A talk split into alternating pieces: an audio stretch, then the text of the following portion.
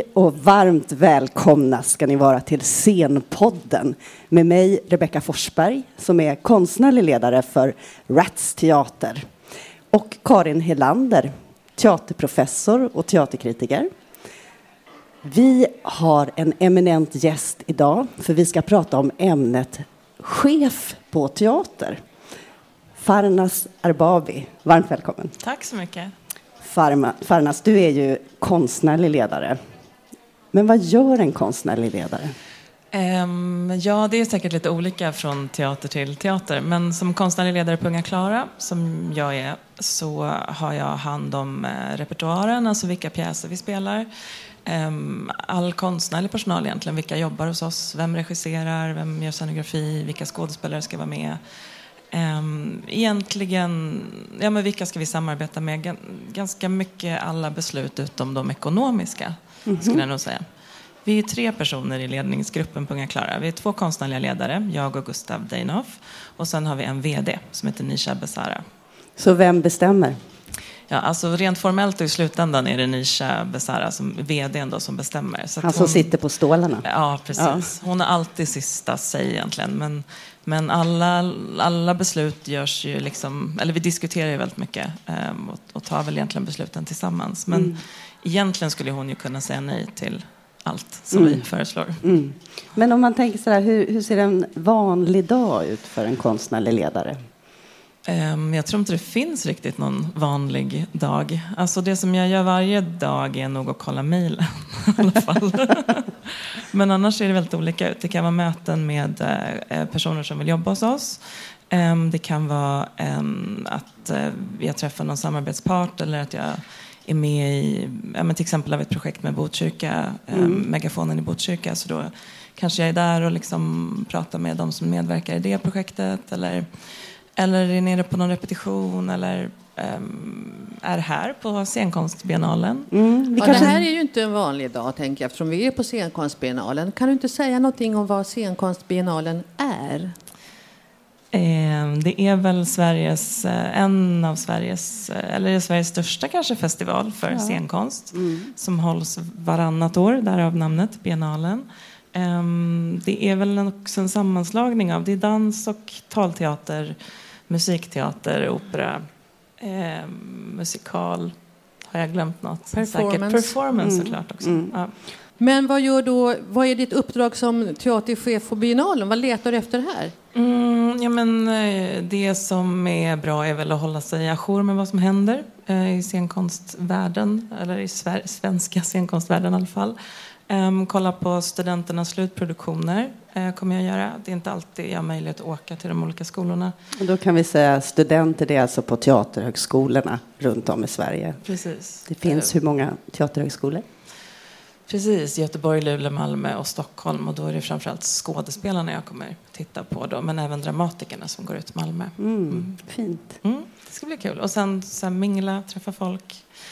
Eh, gamla kollegor, blivande kollegor kanske. Mm. Eh, nätverka, som det heter.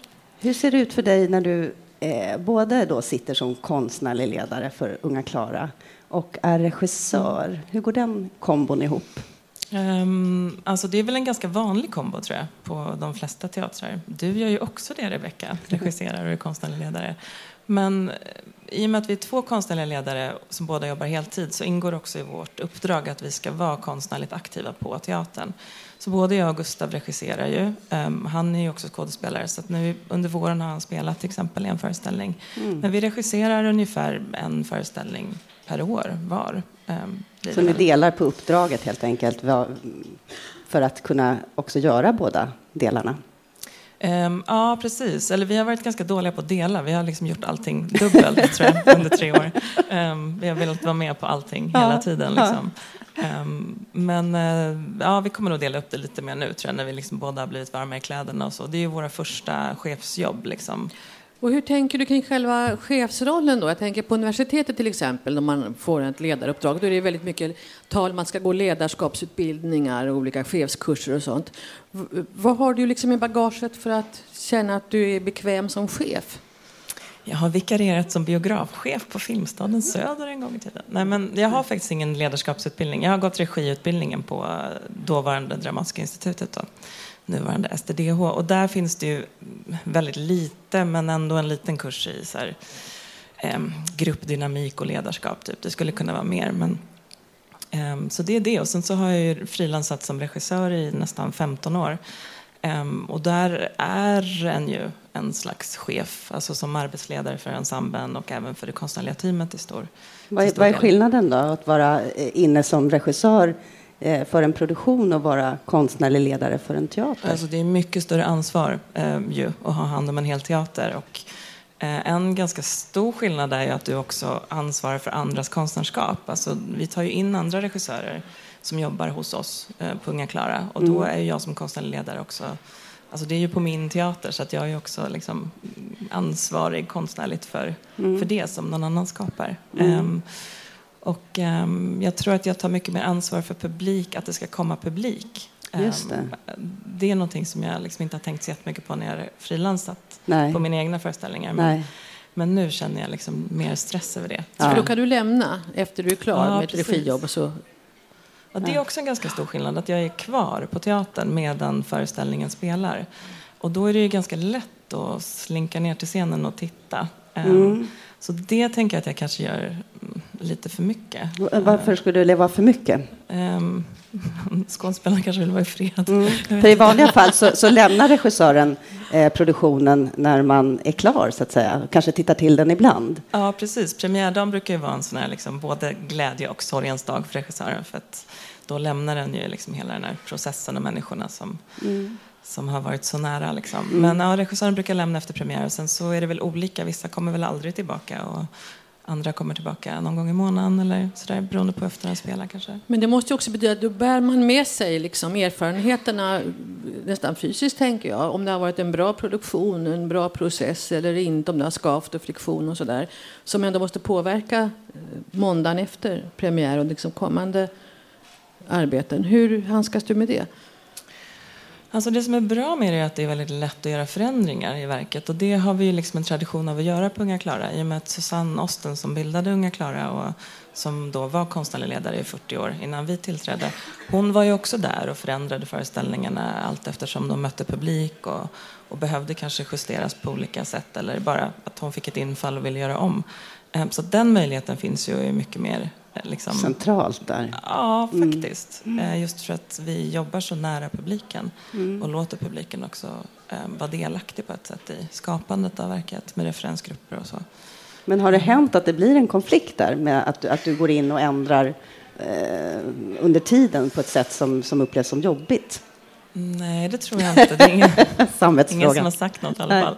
Nej, men det tror jag faktiskt inte. Um, Nej, nu har jag gjort det. Jag har bara varit konstnärlig ledare i, det blir tre år till sommaren då. Mm. Så jag har bara hunnit göra tre produktioner. Mm. Eh, men de har varit ganska konfliktfria, tror jag. Kunde du vara bråkigare som regissör när du kom in på en teater? Ja, men, ja på ett sätt faktiskt. Ja, det är också en skillnad, tänker jag. Det borde kanske vara tvärtom egentligen. Mm. Um, jag kanske kommer hitta till det. Men jag tror att som frilansande regissör så är jag nog liksom lite kaxigare gentemot teatern jag är på. Alltså typ marknadsavdelning, producenter, att jag kan liksom ställa, kräva mer? Ja, precis, eller? kräva mer och bara gå på tills de stoppar eller bara hallå, så det där kan vi inte göra. Um, Medan jag tar mer ansvar för det på Unga Klara. Att så här, vi har en begränsad budget och det här är mina kollegor som jag träffar dagligen. Att jag liksom kanske bryr mig lite mer om... Personalpolitik? Ja, precis. Ja. Jag tänkte, du har ju gjort väldigt, varit på väldigt många olika teatrar innan du blev chef på Unga Klara.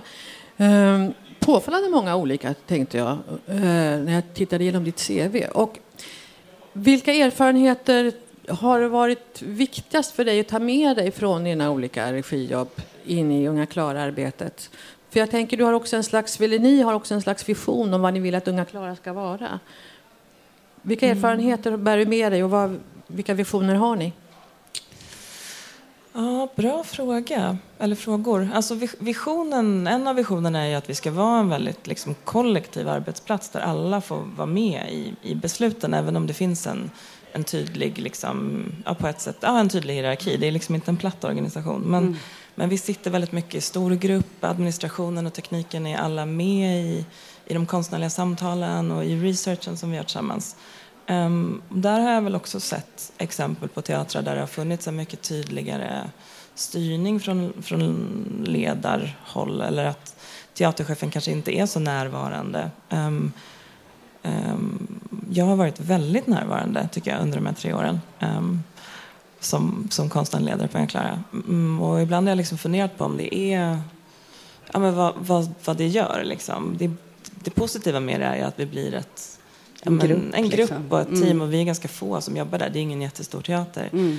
Um, och det negativa är kanske att man blir liksom lite indragen i, alltså att jag är liksom inne i massa saker i den dagliga verksamheten som jag egentligen inte behöver vara inne i och kanske inte ska vara inne i. För det är också, risken är ju att den tappar liksom det långa perspektivet och mm. visionerna. Mm. Och, man löser bara precis det som är just nu. Precis, mm. exakt. Um, Hur är det? Fungerar ni som en fri grupp eller är Unga Klara en institution? Ja, det är många som undrar. Men eh, vi är faktiskt ingen institution rent formellt. Utan vi är en ja, fri grupp, låter också lite... Alltså jag vill helst inte använda det för vi har ju mycket mer resurser mm. än andra frigrupper så det blir liksom lite orättvist att säga att vi är en frigrupp. Men fri aktör har vi använt ibland. Mm. Vi är utsedda till någonting som kallas för viss aktör um, mm. från regeringen. Det är vi och Rionteatern, mm. tror jag, kanske Folkoperan också, som är liksom större än frigrupper men ändå inte institutionsklassade eller institutionsstatus. Mm, mm. Men vi är med, till exempel är vi med i svensk, vi har valt att vara med i svensk scenkonst och inte i Teatercentrum. Så vi har liksom valt att vara mer institution på ett sätt än, än frigrupp. Om vi går tillbaka till det här med chefs och ledarskap. Jag tänker, har du någon bra erfarenhet av en bra ledare som du har tänkt sådär, det där är för mig viktigt, viktiga egenskaper att ha som ledare?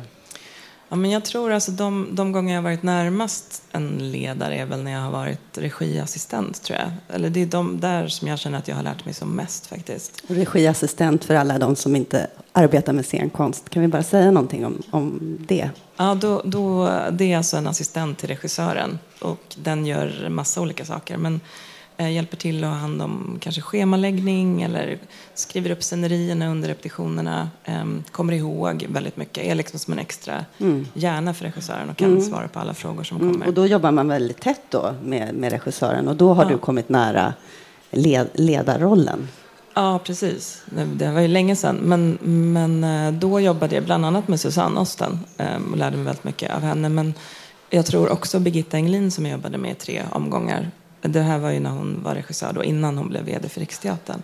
Där lärde jag mig otroligt mycket om, om ledarskap mm. um, och kommunikation. Och vad var det som var, var bra med deras ledarskap? Ja, men jag tror både Susanne och Birgitta hade liksom väldigt stor tillit till uh, sitt team. Liksom. Både skådespelare men också det konstnärliga teamet. Att, att liksom låta saker ta tid, att liksom staka ut linjer och vara, vara tydlig i vart vi ska men inte liksom hur vi ska dit. Att inte detaljstyra för mycket. Um, och att också ibland bara låta bli att styra och se vad som händer. Alltså våga liksom vila Tillit. lite i, ja. ja, vila i processen. Är det så man, man blir en konstnärlig ledare? Att man går eh, som regiassistent? Eller finns det någon utbildning för det här? Det finns ingen utbildning vad jag vet för att bli konstnärlig ledare. Ehm, men jag tror att alla konstnärliga ledare, vad jag vet, är ju har varit konstnärligt aktiva innan de blev konstnärliga ledare. Som regissörer kanske framför allt, för att det ju är liksom en chefsroll i sig. Men också som dramatiker eller skådespelare också. Men nu för tiden är det nog mest regissörer. Mm. Mm. Jag tänker, Unga klarar ju inte heller vilken scen som helst. Det var ju länge synonymt nästan med Susanne Osten som var konstnärlig chef där i 40 år. Hur, förhåller du till det? Eller du och Gustav ska jag säga. Hur förhåller ni er till det? Det Unga Klara-arvet, traditionen?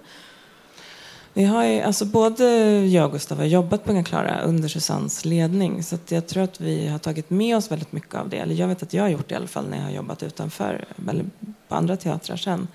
Ehm, så mycket av det som, som Susanne har tagit fram som en Unga Klara-metod eller ett arbetssätt jobbar vi vidare med. Ehm, när vi tillträdde så skrev vi ner ett manifest där vi försökte formulera vad, ja, men vad vi ville ha kvar från, från Susannes arv och vad vi ville tillföra som de människor och konstnärer vi är och också vad vi kunde se Unga Klara vara någonstans i framtiden. Så att vi försökte liksom koka ner den. Och det där vill man höra mer om känner jag. Du, ja. Eh, vad med det första då? Vad ville ni ha kvar? Ja, men, alltså, närheten till publiken, barnperspektivet. Vi är ju en barn och ungdomsteater även om vi spelar väldigt mycket offentliga föreställningar också för vuxna. Mm. Um, och ja, men hela ja, men processen, de långa processerna. Vi har ju längre repperioder än de flesta andra teatrar och vi jobbar väldigt mycket med research och fördjupning. Um, så det är ju liksom det som är på något sätt metoden som har utkristalliserat sig mm. under de här åren. Mm. Och det här är ju liksom, när vi pratar om Unga Klaras metod så det låter ju som att det, det är ju inte unikt på något sätt utan mm. det är ju väldigt många teatrar som jobbar så här nu, framförallt barn och ungdomsteatrar i, i Sverige. Men, men det, är ju, det kommer ju från Susanne, det kommer ju från Unga Klara från början. Mm. Um, det är ju många som har liksom jobbat på Unga Klara och sen gått vidare till att starta egna eh, teatrar och så. Um, så att idag är det inte så unikt men uh, men det är så vi jobbar i alla fall. Mm. Och vad mm. vill ni sen tillföra då utöver? Vad är ja, men, ert eget bidrag? Alltså det, det som har varit, Unga Klara har ju liksom alltid varit också en spjutspets rent formmässigt. Um, en avantgarde-teater i Sverige. Um, och det ville vi liksom behålla men också utforska vad, det, vad är det idag? Um, Unga Klara har också haft väldigt mycket liksom internationella förfrågningar och varit iväg och både spelat och föreläst och workshoppat. Vilket inte var, alltid var möjligt. Unga Klara var en del av Stockholms stadsteater tidigare och då var det inte alltid som de kom iväg liksom, mm. um, av olika skäl. Men nu när Unga Klara är fria så är det mycket lättare. Men då infinner sig ju en annan fråga som handlar om ekonomi, att ta sig. Men, mm. men att försöka också vara mer internationella och Mm. Framförallt också mer nationella och inte mm. bara spela i Stockholm. Nu, nu har vi ganska liksom, många trådar här som handlar både om Unga Klara och om ledarskap. Och jag känner att jag skulle vilja ställa en fråga till där om ledarskap. För vi pratade om det här med bra ledarskap och liksom bra förebilder för, för vad ledarskap är. Men har du också en erfarenhet av att ha någon dålig ledare?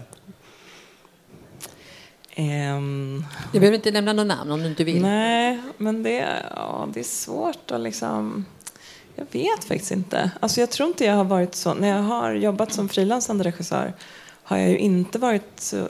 Alltså vissa teaterchefer eller konstnärliga ledare har jag ju varit närmare än andra. Men, mm. men de flesta träffar jag liksom innan jag börjar. Vi pratar om idén och liksom mm. kanske diskuterar medverkande och så. Och sen så är de ju inte så jättenärvarande sen under under processen. Kanske komma på något rep eller genrep eller mm. så. Och det kanske är det som är positivt med ett ledarskap som släpper fram den friheten. Att man inte är där och petar ja, i allt. Ja, det är sant i och för sig. Ja, som du reflekterar kring själv, så här, ditt eget ledarskap. Ja. Är du för mycket i alla i alla skålar liksom. Ja, det är för, då, sant. för att man tappar den där riktningen. Fast jag uppskattar ändå när de kommer. Alltså jag tycker väldigt mycket om när teaterchefen kommer in på rep, så här, helt spontant och bara, ah, men, kan jag sitta med? Liksom. Ja. Um, det är klart att det är lite så nervöst. Bara, ja. Nej, någon har sagt någonting nu, så här, ja. det ja. så här, konflikt. Men, ja. men det är också skönt, för det känns också som att så här, ja, men då vet du vad jag sysslar med här på din teater och kan också så här, prata om det eller stå för det eller säga någonting om det. Just det, för annars liksom. så sitter chefen på någon annans eh, avdelning och regissören är nere på scengolvet och arbetar. Eh, ja, precis. Exakt så är det och, ja, Teaterchefen regisserar ju ofta någonting eget någonstans också. Liksom. Men, eh, och kanske inte ens är där. Nej, eh, mm. precis. I huset. Mm. Så kan det vara. Mm. Jag tänker det här med frigrupp och institution också. Eh, som du sa, att ni är mer en, en annan sorts eh, enhet än en institution egentligen. Men definitivt mer en frigrupp. Men eh, själva det här med gruppkänslan, du säger kollektivet som nu vill skapa ändå, känns ju mer frigruppstänk ändå, eh, också i antal folk och så. Hur många fasta anställda har ni och hur tar ni in folk utifrån och ungefär? Ja, sådär? ja men vi är väl runt, runt tio fastanställda. Eller jag har inte faktiskt exakt siffran för vi har precis gjort en men omorganisering. Runt tio. Runt ja. Och eh, ingen konstnärlig personal är fastanställd. Um, utan jag och Gustav går ju på längre kontrakt. Ja. Och vad söker du då när du eh, tar in skådespelare och regissörer utifrån? Vilka, eh, vilka vill du ha in? Ja, men när det gäller regissörer så är det ju eh, personer som jag tänker också kan liksom funka på Unga Klara med den här liksom väldigt kollektiva, alla tycker om allting. Mycket stor, med, alltså, det kan också vara jobbigt att regissera på Unga Klara för att du har vi, alltså, marknadsavdelningen, alla går ju på repetitionerna väldigt mycket och säger också vad de tycker till regissören. Så här, men jag tänkte på det där, kan du inte göra så här? Och så här, så. Mm. så det, där får en ju också liksom säga stopp. Jag vet Susanne hade något så här, två veckor innan premiär, då säger ingen någonting. Fram till två veckor får ni säga vad ni vill, men efter två, när det är två veckor kvar, då, då är det jag som kör. Orkar man inte med flera Nej, åsikter? Precis, exakt. Mm. Um, så ja, men folk, folk som känns liksom koll, kollektiva och öppna och eh, kanske lyhörda och egentligen inte så auktoritära men ändå mm, tydliga i sitt ledarskap. Eh, men framförallt där är väl också eh, idéerna. Alltså vad har den här personen för idé? Vad vill den göra? Um, kan den driva det? Känns, den liksom, känns det som att det här är det viktigaste någonsin? Uh, Men är det så att folk mejlar till dig och säger åh, jag skulle vilja sätta upp den här på din teater? Ja, precis, ja oftast är det så. Antingen så mejlar de till mig eller Gustav. Ibland så postar folk in manus, men det är mer eh, dramatiker som liksom vill, ha, vill att vi ska läsa deras pjäser, vilket vi typ aldrig hinner, hinner med tyvärr. Men när det är regissörer som kommer med idéer så är det oftast mig. Du sa att du eh, här på scenkonstbiennalen ska gå och se på Teaterhögskolornas slutproduktioner. Känner du någon slags ansvar för den nya unga generationen skådespelare som examineras nu? Um, nej, det tror jag inte. nej, det behöver man inte. Jag bara, från du sa att du skulle gå och titta. Ja, nej, men, nej, ja, men alltså ansvar på så sätt att jag gärna vill se, liksom, se dem och veta vilka, vilka det är. Um, det är så lätt att den fastnar i sin egen, liksom, ja, men jag jobbar med de här och det är härligt och nu jobbar jag med dem igen och det är fortfarande härligt. Och, mm. Alltså bara få se lite nytt, nya ansikten och nya Jag tänker att eh, det här mm, som du säger, att det, det mejlas och det skrivs och studenter vet att nu kommer du att titta på dem och så. Ja, det, nu vet de ju det. Ja, nu vet de ju det. men jag tänker också att det mm, finns ju en väldigt stark makt i det. Ja. Hur förhåller du dig till eh, rollen av makt? Ja.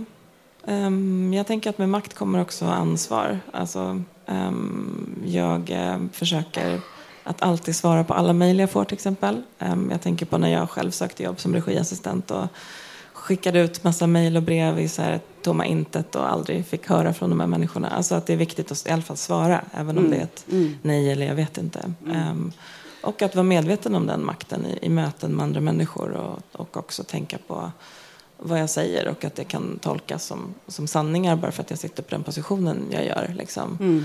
Um, sen så är det ju relativt, alltså vi är ju en ganska liten så här, teater jämfört med, det finns ju större teatrar och personer som sitter på mycket mer makt i scenkonst-Sverige än vad jag gör. Men, men det är ändå viktigt att vara medveten om den makten i relation till till just frilansare eller till arbetstagare liksom, mm. i och med att jag är arbetsgivare. Mm. Hur tänker du kring makt och inflytande genom repertoarpolitik? Hur långt lägger ni repertoar? Har ni någon liksom, övergripande tanke kring er repertoarpolitik? Ehm, ja, men alltså vi har I vårt manifest har vi formulerat oss som en feministisk och antirasistisk teater som jobbar normkreativt eller normkritiskt. Jag kommer inte ihåg vilket ord vi valde. Men, eh, och att vi jobbar för mångfald, jämlikhet och alla människors lika värde. Ehm, och, och, det är ju heller ingenting som vi är de enda i världen som gör. Men, men vi är en av de få som har formulerat det och skrivit det i ett manifest och lagt upp det på vår hemsida. Mm. Så att alla kan liksom mm, hålla oss till svar så vi inte gör det. Um, så det är väl liksom de, de frågorna och de tankarna som vi har med oss väldigt mycket i, i repertoarval, i val av konstnärlig personal, i val av personer i, i ledarställning liksom, som regissörer till exempel. Um, att vi försöker både liksom bryta gängse normer men också vilka berättelser berättar vi och vilka kroppar. Och vilka syns. berättelser, vilka ämnen, de som aldrig har varit på Unga Klara, vilka ämnen är det ni tar upp på teatern? Ja men alltså det är ju alla möjliga ämnen. Um, men uh, ja, alltså nu i höst kommer vi faktiskt ha två pjäser som handlar om maskulinitet på olika sätt. Mm. Den ena handlar om destruktiv maskulinitet. Um, patriarkatet egentligen. Då. Um, och den andra handlar om samtycke och liksom gråzoner utifrån, um, ja men alltså, ja, ni, ni vet. Mm. Um, ja, alltså, sexuella övergrepp och liksom, var går gränsen och mm. så här, vad har vi för syn på det? Mm. Uh, typ. Vi är ju ganska så här, temabaserade, tänker jag. Att vi liksom, att, inte, inte tema som är så här, tematiska år, men, men att det finns ett tema eller ett ämne som, som vi vill lyfta och diskutera. Ja. Um, som intresserar er under den här eh, hösten då till exempel? Ja, eller i pjäsen. Alltså att det är väldigt sällan som någon kommer och bara, jag läste en sån himla bra pjäs. Den, den här ska vi göra, för att den är så bra och liksom så. Utan ofta är det en regissör eller någon som drivande som så här, jag vill diskutera det här, för att det här tycker jag är viktigt att prata om, eller det här vill jag lyfta upp. Eller, och sen utifrån det så kommer en pjäsbeställning eller ett arbete som tar fram en text. Med, med den medvetna eh, repertoarpolitiksmanifestformuleringen så tänker jag att ni också måste vara väldigt noga med hur ni då når publik för att kunna komma ut med den här typen av repertoar. Inte minst med skolorna då, eftersom ni spelar mycket barn och ungdomsdramatik. Hur, hur möter ni skolorna med den här typen av repertoar och hur möter ni andra aktörer ute i samhället för att få in dem som publik på Unga Klara? Men vi har ju väldigt nära samarbete med, mm, med skolorna och det finns ju lärare som återkommer. Och, och egentligen så är ju, alltså det som vi har formulerat är ju egentligen ingenting nytt för Unga Klara. Det är ju sånt som Susanna har jobbat med hela tiden fast kanske inte, det har kanske inte har stått liksom, på hemsidan. Um, men, um, nej, men jag tror inte att det, det har inte varit några konstigheter och ibland så kan jag nästan tänka att folk föredrar det. Alltså att det finns en tydlig så här, ah, den handlar om det här eller den kommer diskutera det här. Um, istället för att få en plott presenterad av så här, det handlar om den och den och de träffas och sen blir det bråk mellan föräldrarna och sen är det slut. Alltså att det finns något att ta ställning till eller någonting att liksom stångas emot. Och hur gör ni för att suga upp de här tendenserna som finns i samhället då? Eh, Ehm, omvärldskollen helt enkelt. Ja, alltså, ja, det, det är väl olika liksom. Men, men vi får väl så här influenser och inspiration som, som alla andra egentligen. Ja, men dels från, alltså det är alltid från att läsa nyheterna till att träffa någon på tunnelbanan eller åka utomlands. Eller, Mm. alltså, Men ni har jobbat en del med referensgrupper tänker jag också i det där. ja, därifrån kan det också komma mycket Ja, inspiration. hur, hur ser ett sånt arbete ut? Men vi har alltid, vi möter alltid publiken en gång i veckan, Mhm. ja, eller ungefär en gång i veckan under hela repetitionsperioden, redan från start egentligen. Mm. Wow, ja, det, det är. Ja. det är ganska ovanligt. Oftast så har ju teatrarna provpublik när det börjar närma sig premiär. Ehm, men, och de här mötena är inte så mycket till för att spela upp och fråga så här, bra eller dåligt, utan det är ju mer samtal med publiken. Mm. Och i de samtalen kan det också komma upp så här, ja men det här borde vi snacka om, eller vad är det här för, Mm. för grej som håller på i den, båda de här skolorna håller på med den här grejen. Eller, alltså, Så man ser tendenser och Ja. rörelser som redan diskuteras, som finns ett engagemang kring. Ja, precis. Eller, eller i alla fall saker som vi kanske inte hade fått insikt om tidigare för att de sker eh, eller vi hade inte fått insikt om dem annars för att de sker liksom i barnen eller ungdomarnas egen värld. Liksom. Ja. Men jag tänker också där, du pratar om att eh, ämnet är ju viktigt, teaterns eh, historia, vad det är ni vill berätta. Men på andra sätt, hur får ni in de här eh, antirasistiska och feministiska eh, önskningarna som ni vill jobba mot? Ja, men alltså det, och det är inte alltid som ämnena är det. Nu är, handlar det om det delvis i höst, men, men i våras gjorde vi en föreställning, eller i höstas som sen turnerade under våren, en föreställning om ensamhet och utsatthet som inte alls hade med liksom, feminism eller antirasism att göra. Men då jobbar vi med, liksom, vi, vi tänker över hur vi porträtterar till exempel de karaktärer som kodas som kvinnor i föreställningen. Vad har de för status? Vad, hur rör de sig? Vad har de på sig? Ehm, vi försöker alltid ha en ensemble som speglar liksom, befolkningen utifrån representativitet vad gäller eh, alltså utländsk bakgrund eller inte, vithet eller vad man ska kalla det. Ehm, vi jobbar ofta med flera språk på scenen, flerspråkighet. Ehm, ja, alltså, hur jobbar ni rent konkret då med Ja, flerspråkighet? Vi har, vi ofta jobbar, ofta, vi har många skådespelare som pratar flera språk än svenska och då använder vi det. Alltså att vi översätter vissa repliker kanske eller låter dem prata både och. Eller, ja, Mm. så. Vad är det allra svåraste med att vara chef? Det var en svår fråga. Ehm, men jag tror att det finns någon känsla hos mig av att inte riktigt räcka till. Typ. Och att vilja, alltså att ha ansvar för personalen tror jag. Att de ska ha det bra liksom, och känna att de utvecklas. Och, och att de också kan prata med mig om det är någonting som, inte, som skaver eller så. Så jag tror, att, jag tror att jag tar mycket ansvar för det. Hur personalen mår. Skulle Typiskt behöva en pers- chef. personalchef helt Ja, enkelt. Ja. Ja. Sen som sagt, vi sitter här på scenkonstbiennalen och du har också suttit i urvalskommittén. Vilket ju betyder att du har en bra överblick över scenkonst-Sverige. Du kan ju inte ha sett allt såklart. Men vad är din bild av scenkonst-Sverige nu? Vad, vad finns det för trender och tendenser? Eh, det här ska vi prata om sista, sista dagen på biennalen på söndag. Men eh, jag tror att alltså, i, i, urvalet i alla fall så, så tror jag att, det, att vi ser många fler frigrupper eh, och mindre aktörer i år eh, än, än, tidigare år. Eh, och att eh, det finns också en lite tydligare liksom, samhällsaktuell eller politisk agenda i de föreställningarna som är utvalda.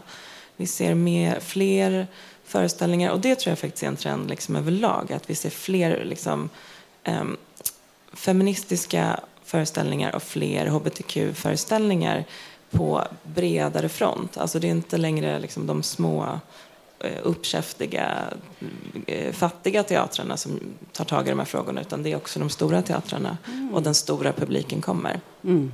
Häftigt. Vad skulle du vilja se mer av då? Saknar du någonting? Mm, ja, men jag tror att jag saknar... Det här är ju liksom... Det här, ja, det är ju kanske... Saker tar ju tid och processer och så. Men jag, jag tror att jag saknar fortfarande liksom fler berättelser med andra perspektiv. Alltså jag är jätteglad för att just feminismen och hbtq-frågorna har blivit, eh, kanske inte mainstream, men, men lite mer eh, lite bredare. Men jag kan fortfarande sakna berättelser om, um, om att bli utsatt för rasism eller rasifiering eller att ha en icke-vit erfarenhet eller vara uppvuxen i, i uh, en förort eller uh, den typen av representation i, också i berättelseväg um, tror jag att jag saknar mer. Det finns ju, men kanske mm. inte så mycket. Mm. Ja. Hur mycket ser du, eller har du tid att följa andra, alltså konstlivet eller musiklivet eller danslivet? För att få inspiration? Um, ja, jo, men det gör jag nog. Alltså, framför allt musik och, och film, tror jag. Um, mm. Mm. är det något särskilt där som har inspirerat dig? Ja, men jag tycker att det har varit väldigt bra svenskt filmår, eller om man räknar hösten och våren. Um, och många roliga liksom, nya regissörer som har kommit upp. Um, jag tänker på Dröm vidare med Rojda Sekersöv som regissör och Måste Git som Ivica Subak har gjort. Um, så det är kul. Och också på musikfronten att det är många, många coola, coola kvinnor som gör cool musik just nu. Mm. Det är roligt det där, för du pratar om de där förebilderna och eh, kvinnor som, som har liksom haft dig som regiassistent och så. Är du mentor till någon? Um, ja. Eller till flera kanske? Ja, men jag är så här, vad heter det, jag har liksom hoppat på folk och bara, nu ska jag ta tag, ta hand om dig. Nej, men jag tycker att det är väldigt viktigt. så jag söker efter protegéer om det är någon som... Så här, um, Hörde ni det? Ja. Det är jätteintressant. ja. Nej, men jag, har, vi, jag har ju haft alltså, en del regiassistenter genom åren på Unga Klara, men vi har också haft en men vi gjorde som ett litet mentors, um, en mentorföreställning faktiskt, där en ung um, regiaspirant regisserade en pjäs. Hon fick liksom en text av oss och två skådespelare och ett rum. Um, och jobbade med det. Det blev super, superbra. Och då coachade jag henne som någon slags regimentor. Liksom. Mm, just det. Är det någonting som skulle kunna finnas på teatern? Ja, vi har pratat jättemycket om det, att vi skulle vilja göra mera sånt. Mm. Um, och vi har haft en del, vi har haft liksom föreställningar som har kommit till oss. Det har ju varit mer kanske skådespelare, alltså oetablerade skådespelare som har gjort sina egna historier på scen och där vi också har coachat och, mm. och hjälpt till liksom, som regiöga eller liksom satt, gjort, gjort en form på det som, mm. som har blivit väldigt så här, uppskattat och också väldigt framgångsrikt. Mm. mm. Jag tänker också, Karin, tror du att, man, att teatrarna skulle behöva ha mer ledarskap? Till er båda egentligen, eh, ledarskapsutbildningar. Alltså jag vet inte allt om ledarskapsutbildning i svaret på frågan faktiskt. För att om man ska bli en bra ledare. men, men eh, eh, eh, jag, jag, kan inte svara på det. Eh, vad tror du? Alltså jag skulle gärna gå en ledarskapsutbildning ja. tror jag. Det, jag tror Susanne sa grupppsykologi borde alla ja. ledare ja. gå. En kurs i grupppsykologi. Jag tänker om man, breddar, om man breddar om man breddar tänket kring vad en ledarskapsutbildning kan vara så tror jag svaret är ja. Som handlar om liksom andra sätt att tänka och reflektera kring sitt arbete. Och liksom, det tror jag. Eh, säkert. Men sen beror det väl väldigt på också vilka... Det, teater är. Det måste vara en otrolig skillnad tänker jag, på att vara på en riktigt stor institutionsteater som är väldigt komplex. Det är ju komplext i mindre enheter också men det är ändå väldigt skillnad på antal anställda och arbetsuppgifter och sådär. Men eh, mer medvetet tänk kring att vara chef och ledare, då är svaret nog obetingat ja. Men sen just vad ledarskapsutbildning kan handla om, det är mm. någonting annat. Mm. Men jag tänker också på det där att bara bli medveten om vilka roller man gör. Och speciellt på en mindre teater, att man gör så många olika saker. Att man är så många olika roller och bena upp dem. Så att också se så här, de där två grejerna ska jag låta någon annan göra. Eller i alla fall strunta i mm. eller låta det falla ner. Liksom. Och hur, har ni, liksom, hur mycket träffar du dina kollegor, dina chefskollegor? Och hittar du liksom nätverk där som du kan använda och prata med? Du har det här hänt på min teater, det är jättebesvärligt, mm. vad gör jag nu? Nej, alltså det borde vi faktiskt göra. Nu tittar jag på andra, andra chefer i publiken. um, nej, nej, vi har faktiskt, eller jag har nog inget riktigt sånt forum tror jag. Um, eller ringa, inte den typen av äh, nätverk. Vi, men vi är ju å andra sidan tre chefer på Unga. Klara så att mm. de träffar jag väldigt mycket och pratar med väldigt mycket. Men det är klart att det vore skönt att, att prata med någon någon annanstans. Det tänker jag i alla fall i min värld, universitetsvärlden, så finns det också olika ledarskapstänk och så. Men jag tycker ofta man får väldigt mycket ut av att träffa eh, kollegor lite på avstånd från sig själv, eh, men ändå med liknande problematik och kan ofta vara opretentiöst och ganska högt i tak och det ger ofta väldigt mycket tycker jag. Mm.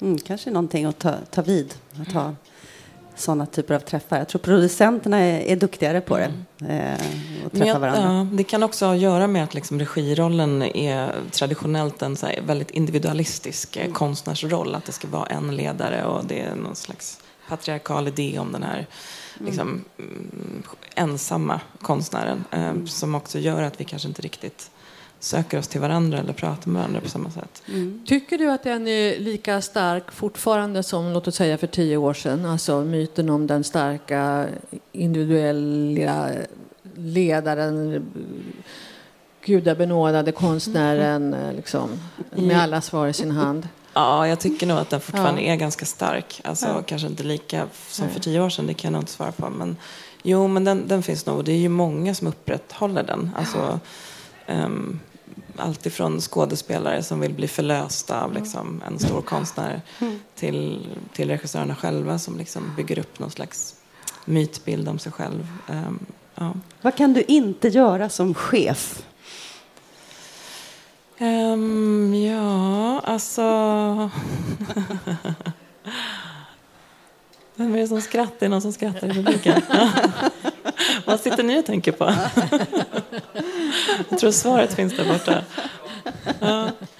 Um, nej, men svårt att svara på, men jag tror att jag kanske... Eh, att jag är liksom... Ja, men det, det, är nog någonting med det här med risktagande och liksom hur, hur pass långt utanför ramarna mm. kan en gå. Liksom. Um, och, och, där är ju alla olika. Men jag tror att jag tar ganska mycket ansvar för så här, mm. nu har vi den här budgeten och så här, mm. det här är ramarna och gränserna. Um, du bjuder inte alla på öl plötsligt, spontant? Nej, det gör jag inte. Nej. Eh, nej, men jag tänkte också innanför produktionen, liksom, att det är så här, jag kommer inte med så här, nu ska vi riva upp det här golvet och bygga en bassäng som går ner till så här, tunnelbanan. Nej, typ, för då sänker du hela teatern. Ja, men typ. Mm. Ja, kanske hela Kulturhuset till ja, och med. Men, um. Jag tänker tillbaka på det här att då hierarkierna fortfarande är så starka och så länge hierarkierna fortfarande är så starka så tänker jag då måste det ändå finnas ett behov av att hitta andra strukturer som går på tvärs och som går horisontellt. Liksom för att motverka de här mm. vertikala strukturerna? Mm. Ja, men jag tror det. Um, och egentligen är det ju inte, alltså på ett sätt är det ju inte ett så medvetet val från början för att det är, det är den rollen jag är bekvämast i. Alltså det är så jag, är, så jag chefar. Liksom. Jag, jag kan liksom inte göra på något annat sätt riktigt. Eller det skulle kännas falskt att liksom försöka spela någon annan roll. Men, men jag tror också att det i, i förlängningen skapar en, en liksom bättre arbetsplats för alla. Mm. Um, och också en känsla av att, vi, alltså att få vara medbestämmande och också att det jag säger och gör räknas um, på ett annat sätt. Liksom. Mm. Kanske. Um, ja, men jag tror på liksom, lyssnande och delaktighet men ändå tydlighet. Ehm, vem är det som tar besluten och bestämmer? Det är ingen tvekan om det. Men, men vägen dit kan ju se olika ut. Tack Farnas Arbabi för att du kom hit och pratade om ledarskap och konstnärsrollen. Och tack publiken för att ni lyssnade på det här samtalet. Gå gärna in på eh, Scenpodden, finns där poddar finns, eller på ratsteater.se och titta och lyssna på flera eh, eminenta gäster som vi har haft. Varmt välkomna tillbaka. Tack, tack.